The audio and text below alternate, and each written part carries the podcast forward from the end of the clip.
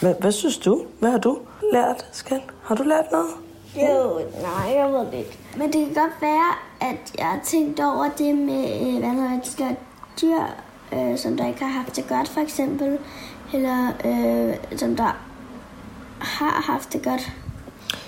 For eksempel det der med øh, ikke at spise for meget rødt kød, måske mere kylling og sådan noget. Kan du huske, jeg sagde det til dig? Det var Ja. bedre for miljøet. Ja, men jeg kan bedre lide oksekød end kylling, faktisk. Og jeg ved det godt, skat. Kære Lucia, det her afsnit er til dig. Eller der er nok mange andre, der hører med. Men du, min datter, skal høre, hvad jeg har lært, mens jeg har lavet den her podcast. De næste par minutter har jeg samlet de vigtigste tanker og råd, som jeg har taget til mig. Og du må ikke se det som en løftet pegefinger, for det er det ikke. Se på det som min løsning på at have kloden med i hjertet og i indkøbskurven i en helt normal hverdag. Podcasten her er produceret af Bauer Media i samarbejde med Rema 1000. Tænk på det her afsnit som en tidskapsel, hvor du kan sidde om 10 år og grine lidt af din gamle mor, inden du selv går ud og fylder din indkøbskurve. Det her handler om valg. Hver eneste gang jeg vælger noget til, vælger jeg også noget fra. Indpakning eller madspild, økologi eller klima, tænke på dyrevelfærd hver dag eller en hverdag, hvor madpakken faktisk bliver spist. Ja, det er oksespejpølsen, jeg snakker om. Verden har nok ændret sig en del i fremtiden. Jeg har faktisk ret svært ved at forestille mig den. Men det her er en status fra 2018. Før jeg gik i gang med den her podcast, gik jeg ret meget efter ø-mærket. Lige nu står jeg og kigger ind i mit køleskab, og jeg har nogle økologiske æbler. Jeg har nogle økologiske citroner. Nogle økologiske løg. Økologisk spinat. Økologisk hvidløg. Jeg har noget økologisk ingefær. Jeg har nogle Jeg går stadig efter ø-mærket, når jeg køber ind. Men nu forstår jeg det en lille smule bedre. Fordi økologi er en pakkeløsning, der får du lidt af det hele. Det var Rikke Lundskov fra Danmarks Naturfredningsforening, som jeg mødte i deres skovhave i København. Øh, og det er det, der er det helt enestående. Det er, at man har ikke bare koncentreret sig om dyrevelfærd, eller om at give bønderne ordentlig pris, eller om naturen, eller om klimaet. Man giver et lille nyk i den rigtige retning på alle de her emner, og derfor så er det en pakkeløsning. Det er ikke en mirakelløsning, fordi så længe vi producerer fødevarer, så griber vi ind i naturen. Sådan er det bare. Så derfor så er økologi en pakkeløsning, hvor du får lidt på alle parametrene. Sagen er bare den, at når du vælger noget til, vælger du også noget fra. Og det er ikke alle, der har det her glødende økologiske hjerte. Torben Krens fra Klimatænketanken Consido, han er skeptisk. En af de store fordele ved økologi, det er at for eksempel, at man ikke bruger pesticider. Og der er mange af de pesticider, man har rundt omkring i verden, som har en negativ øh, miljøeffekt. Den store ulempe ved økologi, det er, at øh, udbyttet fra markerne er væsentligt mindre, sådan i gennemsnit cirka 30 procent. Og det vil sige, at man skal faktisk bruge meget mere areal for at dyrke en samlet mængde øh, produkter. Øh, og et af de helt store miljøproblemer, når du kigger på verden i dag, det er, at vi mennesker fylder alt for meget. Og derfor, når du øh, snakker miljø inden for den mere videnskabelige del af, af branchen, så et af de vigtigste miljøtiltag, du kan lave, det er at fylde mindre. Og der performer økologien ikke, fordi økologien øh, fylder jo meget mere end det konventionelle landbrug for at producere den samme mængde. Så det er den helt store miljøproblem med økologi, det er, at den fylder så meget. Jeg tror desværre, at vores indsats for at bevare klodens klima, at sikre os mod global opvarmning, nok er lige så aktuel om 10 år, som den er i dag. Derfor vil jeg gerne vælge klimavenligt. Men hvad er det? Michael Minter fra Consido havde sin egen løsning. Jeg er faktisk hverdagsvegetar og, og nyder kød i, i weekenden. Der, har jeg, der er der så lidt flere penge til at købe noget rigtig lækkert kød. Ikke? Øhm, men øh, til, til hverdag, der klarer jeg mig faktisk uden, uden kød i dag, og, og har fundet en masse lækre ting at, at lave, som ikke koster det store. Er det økologisk kød, du spiser, eller er det kød fra klimavenligt kød? Jamen, når, når, når, når jeg køber kød, så køber, jeg, så køber jeg som regel økologisk kød, eller vildt, eller et eller andet. Øh, Ja, det, det er også vigtigt for mig, at dyrene har haft det godt, og, og der er nogle øh, andre standarder på, på det økologiske kød. Og det er vigtigere end klimaet? Nej, men det er også vigtigt. Der kan godt, man kan godt tage flere hensyn på en gang. Stort set alle dem, jeg talte med, sagde, at det vigtigste, man kunne gøre, var at spise mindre kød. Jeg kunne godt gå hen og blive hverdagsvegetar. Det er i hvert fald sikkert. Nok ikke fuldtidsvegetar. Jeg har i hvert fald taget et valg. Færre drøvtykker. Er der nogle madvarer, jeg helt skal undgå? Hvis jeg gerne vil spise øh, CO2-venligt? Ah, helt undgå, det, det er jeg ikke så vild med. Altså, der, der er nogle madvarer, som du bør mindske dit indtag af, hvis du vil spise klimavenligt. Øh, og det er først og fremmest øh, kød fra drøvtykker, det vil sige oksekød og lammekød. Øh, det har en høj klimabelastning, fordi de dyr bøvser metan, når de går der og græsser, og øh, ja, der, der ud over den produktion af, af foder, de får osv., hvis de står i stalle, så øh, er der også en metaludledning øh, fra drøvtykker, og det er, det, er en, det er en kødtype, du i hvert fald bør spise mindre af, hvis du vil spise klimabevidst. Et af de mest sympatiske mennesker, jeg har mødt på min podcastrejse, er professor Peter Sandø fra Landby Højskolen. Han tænker som mange andre på klodens fremtid og klimaet, men han har videt sit liv til kampen for mere dyrevelfærd.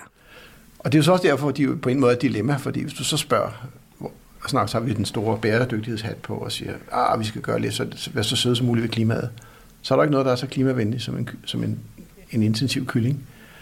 Fordi der skal, den tager jo over halvdelen af det, du putter i den og laver til, til, til, fod, til, til, til, til protein. Hvis du laver det på samme på køerne, der får du kun en, en tiendel, og du får en hel masse metan og alt muligt andet gris ud af det. Ikke? Så på den måde er det jo på en måde fantastisk godt klimavenligt mad, men på den anden måde er det jo vildt brutalt, fordi man har bare simpelthen bare strammet skruen så meget man overhovedet kunne, for at få den der super intensive produktion. Jeg vil gerne have kylling, men jeg vil ikke have kylling, uden at den har haft det godt. Ej, man kan godt se, de er gode. Øh, jeg kan se øh, killinger, øh, kyllinger og øh, øh, hø og øh, så det kæmpe stort rum, de har. Og, øh, Kære Lucia, kan du huske, at du var med op på Rokkedal? Her producerer de, ja det siger man altså, 8 millioner kyllinger om året. 2 millioner af dem er fritgående eller økologiske, og de har haft det rigtig godt. Det lyder af mange, og selvom de arbejder hårdt på at få os til at spise mere af den slags kylling, så er faktum, at 95% af den kylling, vi spiser i dag, er konventionelle kyllinger. Konventionelle, det har jeg lært af et andet ord for, at det er kyllingeraser, der er fremavlet til at vokse dobbelt så hurtigt som fritgående, hvor der kan gå mellem 15 og 20 store kyllinger per kvadratmeter, der først kommer ud af stallen den dag, de skal slagtes. For mig er noget af det vigtigste altså at vælge kyllinger, der har haft det godt. Men sagen er, at vi kan tage nok så meget hensyn til dyrenes ved og vel, men det giver ikke ret meget mening, hvis klimaet er gået amok, og der ikke er nogen planet tilbage. Emballage brugt fornuftigt mm. er Guds gave til miljøet. Wow, Guds gave til miljøet? Ja. Hmm. Hvad mener du med det? Jeg mener simpelthen, at emballage har en stor samfundsmæssig betydning, nemlig at passe på vores varer, så vi brugt mest muligt af varen, og dermed belaste miljøet mindst muligt. Ja, så har emballagen selvfølgelig nogle negative konsekvenser, som vi så skal prøve at begrænse. Du skal se emballagen i sin helhed, mm. ikke bare ned i din affaldssæk. Den her rare mand hedder Søren Rabeck Østergaard, og han er emballageekspert for Teknologisk Institut. Jeg talte med ham, fordi jeg en dag blev rasende over alt den plastik, jeg fik med hjem. Jamen, det er da for sindssygt. Selv mine økologiske øh, bananer er pakket i en pose. Altså, jeg, for, jeg forstår det ikke. Jeg forstår ikke, hvilket budskab man giver forbrugeren. Men sagen er, at plastikken om de økologiske bananer er meget bedre end alternativet. Madspild. Hvis du er over i de bananer, så producerer du i øjeblikket fire bananer for hver gang du spiser en. Hold op. Øhm, det er så stort at spildet. Bananer er en af de store sønder. Der er lige kommet en svensk undersøgelse, der peger på bananer og er en af de helt store løsvækst solgt frugt og grønt, som virkelig skader miljøet og er belastende. Og det er hver anden banan, du tager hjem selv, smider du faktisk ud i snit. Og, og også halvdelen af bananerne går til grunde under distributionen, under dyrkning og distribution. Så cirka en ud af fire dyrkede bananer bliver til menneskefød, bliver spist af mennesker, resten bliver kasseret. Men når de er pakket ind, holder de længere. Faktisk kan de holde i en plastikpose i to til fire uger, fortalte Søren. Det er ren kemi og biologi. Og når plastikkens aftryk på miljø og klima kun er 4%, og resten er dyrkning og transport, så er det eneste, der giver mening, at jeg i det mindste gør noget for at få spist mest muligt af den mad, jeg har lagt i kurven. Jeg blev ikke mindre overbevist om netop det, efter at have talt med Selina Jul for Stop Spild af Mad. Selv på, på trods af 10 års indsats, der er jo madspil fortsat et kæmpe problem. Øh, hvis vi ser i Danmark, øh, hvert år, øh, altså hele om så må sige, værdikæden fra jord til bord, øh, fra landmanden til vores tallerken, øh, der bliver der smidt 700.000 øh, tons mad ud, og det er altså god spiselig mad. Og øh, Landbrug og det er så til en værdi af 13,5 milliarder kroner hver eneste år. 13,5 milliarder kroner af mad bliver der smidt ud i skraldespanden. Simpelthen. Hvis vi ser på øh, Miljøstyrelsens tal, så det de største madsvin, øh, kan man sige, øh, i, i, i Danmark, de er forbrugere, og det er os selv. Fordi vi står for de største madspil, øh, øh der er i Danmark, simpelthen, fordi de er derhjemme hos os selv. Ej, så hvor meget er det min skyld? Ja, men det, det vil jeg sige, øh, øh, øh, altså det kommer selvfølgelig an på meget individuelt, men vi altså forbrugere, hvis vi ser alle sektorer i forhold til detaljhandlen, i forhold til hoteller, restauranter, kantiner og landmænd, der er forbrugere øh, nummer et. De, øh, vi, vi er simpelthen dem, der smider mest ud. Celine var ikke ude på at ødelægge mit humør. Hun vil bare give mig et godt tip. Ved du hvad, mit bedste tips, det er, at man skal simpelthen udnytte den mad, man har i køleskabet. Simpelthen, fordi i køleskabet, øh, vi har alle sammen sådan en skammekrog. og en skammekrog, det er alt den gamle mad, og alle de gamle madrester, de bliver sådan forputtet sig derinde og sådan bagerst øh, i køleskabet. Ikke? Og det er der, hvor det går galt, ikke? fordi vi glemmer den. Køleskabets skammekrog. Andre kalder den hospicehylden. Der, hvor madvarer går hen for at dø. Selvfølgelig skal den tømmes, men når der i det hele taget står noget på den hylde, er det fordi, jeg måske har købt ind til et liv, jeg ikke har. Vi handler jo ind 3-4 gange om ugen. Øh, og der er jo nogen, der siger, at det er jo helt fjollet, fordi at, at, at vi, hvis vi nu handlede ind til hele ugen, så ville vi faktisk handle sundere ind. Pelle Guldborg, der forsker i vores adfærd omkring mad og den måde, vi køber ind, gav mig virkelig noget at tænke over. Han siger, at vi er nødt til at være realistiske, så vi ikke ender med en fyldt skraldespand, men i stedet en fyldt fryser. Øh, men det forudsætter altså det her meget rutinebaserede øh, liv, hvor man gør det samme næsten hver eneste dag, så man kan planlægge, fordi ellers så ender man med at have en masse mad i køleskabet, som man ender med at smide ud. Øh, det der så er i Danmark, det er, at vi lever i højere og højere grad ikke det her rutinebaserede liv, fordi at man har den her kultur for at leve ekstremt individualiseret. Og det betyder så, at man også får nogle, det man kalder atomiserede individer, der lever sådan lidt on the fly. Altså om morgenen, når man går ud af døren, så ved man ikke helt, hvor man spiser om aftenen. Det kan være, at man spiser med kollegaerne. Det kan være, at man øh, spiser med, med børnene. Det kan være, at øh, man spiser ude på en restaurant. Det gør det enormt svært at, at planlægge.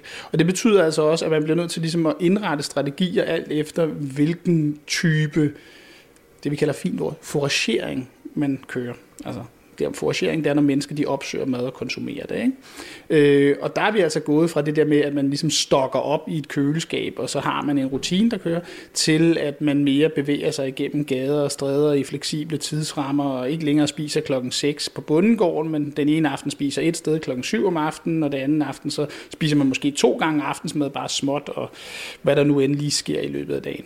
Så kunne man selvfølgelig godt sige, at nu skulle vi have folk til at planlægge deres liv ordentligt, men, men, men det er ikke sådan, at menneskers liv fungerer. Så derfor bliver man nødt til at finde de strategier, der netop virker til den type liv, vi lever. Og der er forskellige strategier. Det her med at få maden frosset ned, før du tilbereder den, er en god strategi. Øhm, det at for eksempel købe frysegrøntsager er en fantastisk øh, strategi også. Det der er ved frosne grøntsager, det er, at der er ikke noget vejen med deres øh, vitaminindhold og deres kvalitet overhovedet. Øhm, faktisk gælder det for nogle madvarer, som for eksempel tomater på dåse, at de er sundere, når de har været på dåse, end de er friske. Øh, så hvad hedder det, det der med ligesom at have nogle langtidsholdbare grøntsager er en, en rigtig god idé, hvis man lever det her meget fleksible liv. Øh, og så kan man jo altid toppe op med det, der skal være sådan helt frisk og lige taget fra grønthandlerens hylde. Ikke? Pelle gav mig virkelig nogle gode værktøjer, og du kan høre dem alle sammen i afsnit 2 af den her podcast.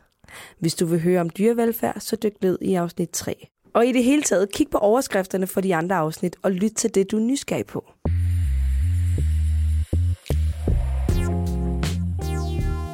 Kære Lucia, det her var min valg. Du skal tage din egne. Jeg synes ikke, du skal gøre det til en livsstil at redde planeten. Du skal i hvert fald ikke gøre det for at spille smart på de sociale medier. Det handler ikke om, hvad andre synes om dig. Det handler om, hvad du selv mener, og hvordan du kan få din hverdag til at hænge sammen, og samtidig gøre en forskel. Det jeg nået frem til faktisk godt kan lade sig gøre, med nogle simple valg i supermarkedet. Hverdagen og familiemønstrene om 10 år er sikkert et endnu større rod, end de er i dag. Men måske lever vi i fremtiden rigtig godt af frostgrønt og kærlighed. Det håber jeg egentlig. Kærlig hilsen, mor. Med kloden i kurven var produceret af Bauer Media i samarbejde med Rema 1000. I redaktionen var Stine Skovbjerg, Sofie Carlsen, Jonas Jul Olsen, produktion Rune Born Svarts og musik og klip Rasmus Svinger. Hvis du kunne lide, hvad du hørte, så husk at give os en anmeldelse i iTunes eller hvor du finder dine podcasts. Jo flere, der gør det, jo nemmere bliver det for andre at finde podcasten. Det er bare sådan, systemet virker. Tak, fordi du lyttede med.